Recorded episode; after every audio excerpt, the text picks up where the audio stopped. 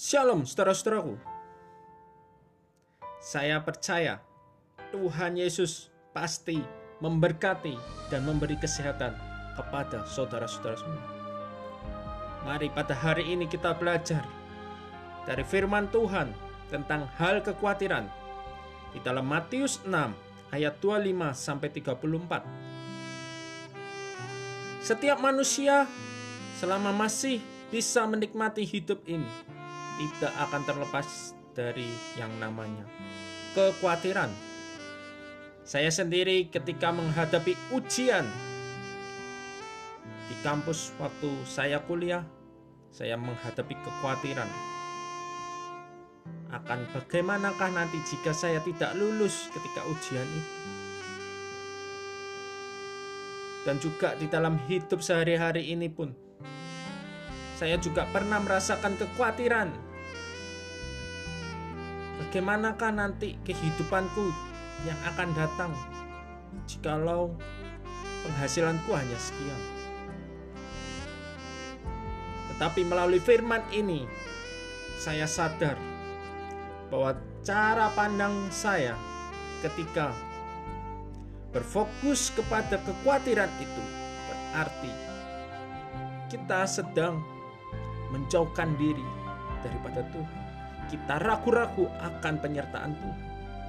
Sebab firman Tuhan di dalam Matius 6 ayat 26 ini akan menguatkan kita. Pandanglah burung-burung di langit yang tidak menabur dan tidak menuai dan tidak mengumpulkan bekal dalam lumbung. Namun diberi makan oleh Bapamu yang di surga. Bukankah kamu jauh melebihi burung-burung itu? Kita sebagai manusia, sebagai ciptaan Tuhan yang paling mulia, kita adalah biji mata Bapa di surga. Oleh karena itu, mengapa kita masih berfokus tentang hal-hal materi? Tuhan pasti mencukupkan segala kebutuhan kita. Kekhawatiran bisa muncul karena bukan kita kekhawatir akan kebutuhan, tetapi kita ingin memenuhi keinginan kita. Ingin membeli sesuatu supaya kita terlihat lebih wah. Ini yang menyebabkan kekhawatiran Mari saudara-saudara kita belajar dari Matius 6 ayat 33 berkata, Tetapi carilah dahulu kerajaan Allah dan kebenarannya, maka semuanya itu akan ditambahkan kepadamu. Firman ini jelas berkata bahwa di dalam hidup ini kita harus terus berfokus mengarahkan pandangan kita kepada kebenaran firman Tuhan. Dan kita melakukan firman itu dan fokus hidup kita bukan untuk diri kita lagi tetapi untuk menyenangkan hati Tuhan. Sebab Tuhan telah memberi yang terbaik di dalam hidup kita Hal sekecil apa pun Tuhan berikan dalam hidup kita. Oksigen Tuhan beri secara gratis, secara cuma-cuma. Kita bisa menikmati matahari, melihat tanaman di taman. Itu semua karena anugerah Tuhan.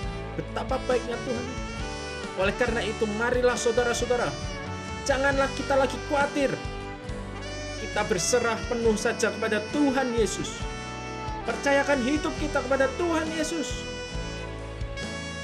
Yang kita lakukan saat ini adalah bekerja dengan semangat, bekerja keras, dan melakukan yang terbaik, bukan untuk menyenangkan hati kita, tetapi lakukan itu untuk menyenangkan hati Tuhan. Dan percayalah, ketika kita melakukan itu dengan fokus kepada Tuhan, maka Tuhan akan turun tangan mencurahkan berkat-berkat yang berlimpah bagi setiap kita. Percayalah, Tuhan itu Bapak kita yang sangat sayang pada kita. Oleh karena itu, buang segala kekhawatiran hari ini. Fokuskan hidup kita kepada Tuhan. Dan Tuhan akan memberkati kita semua. Semoga renungan singkat ini menguatkan, memberkati kita semua. Tuhan Yesus memberkati.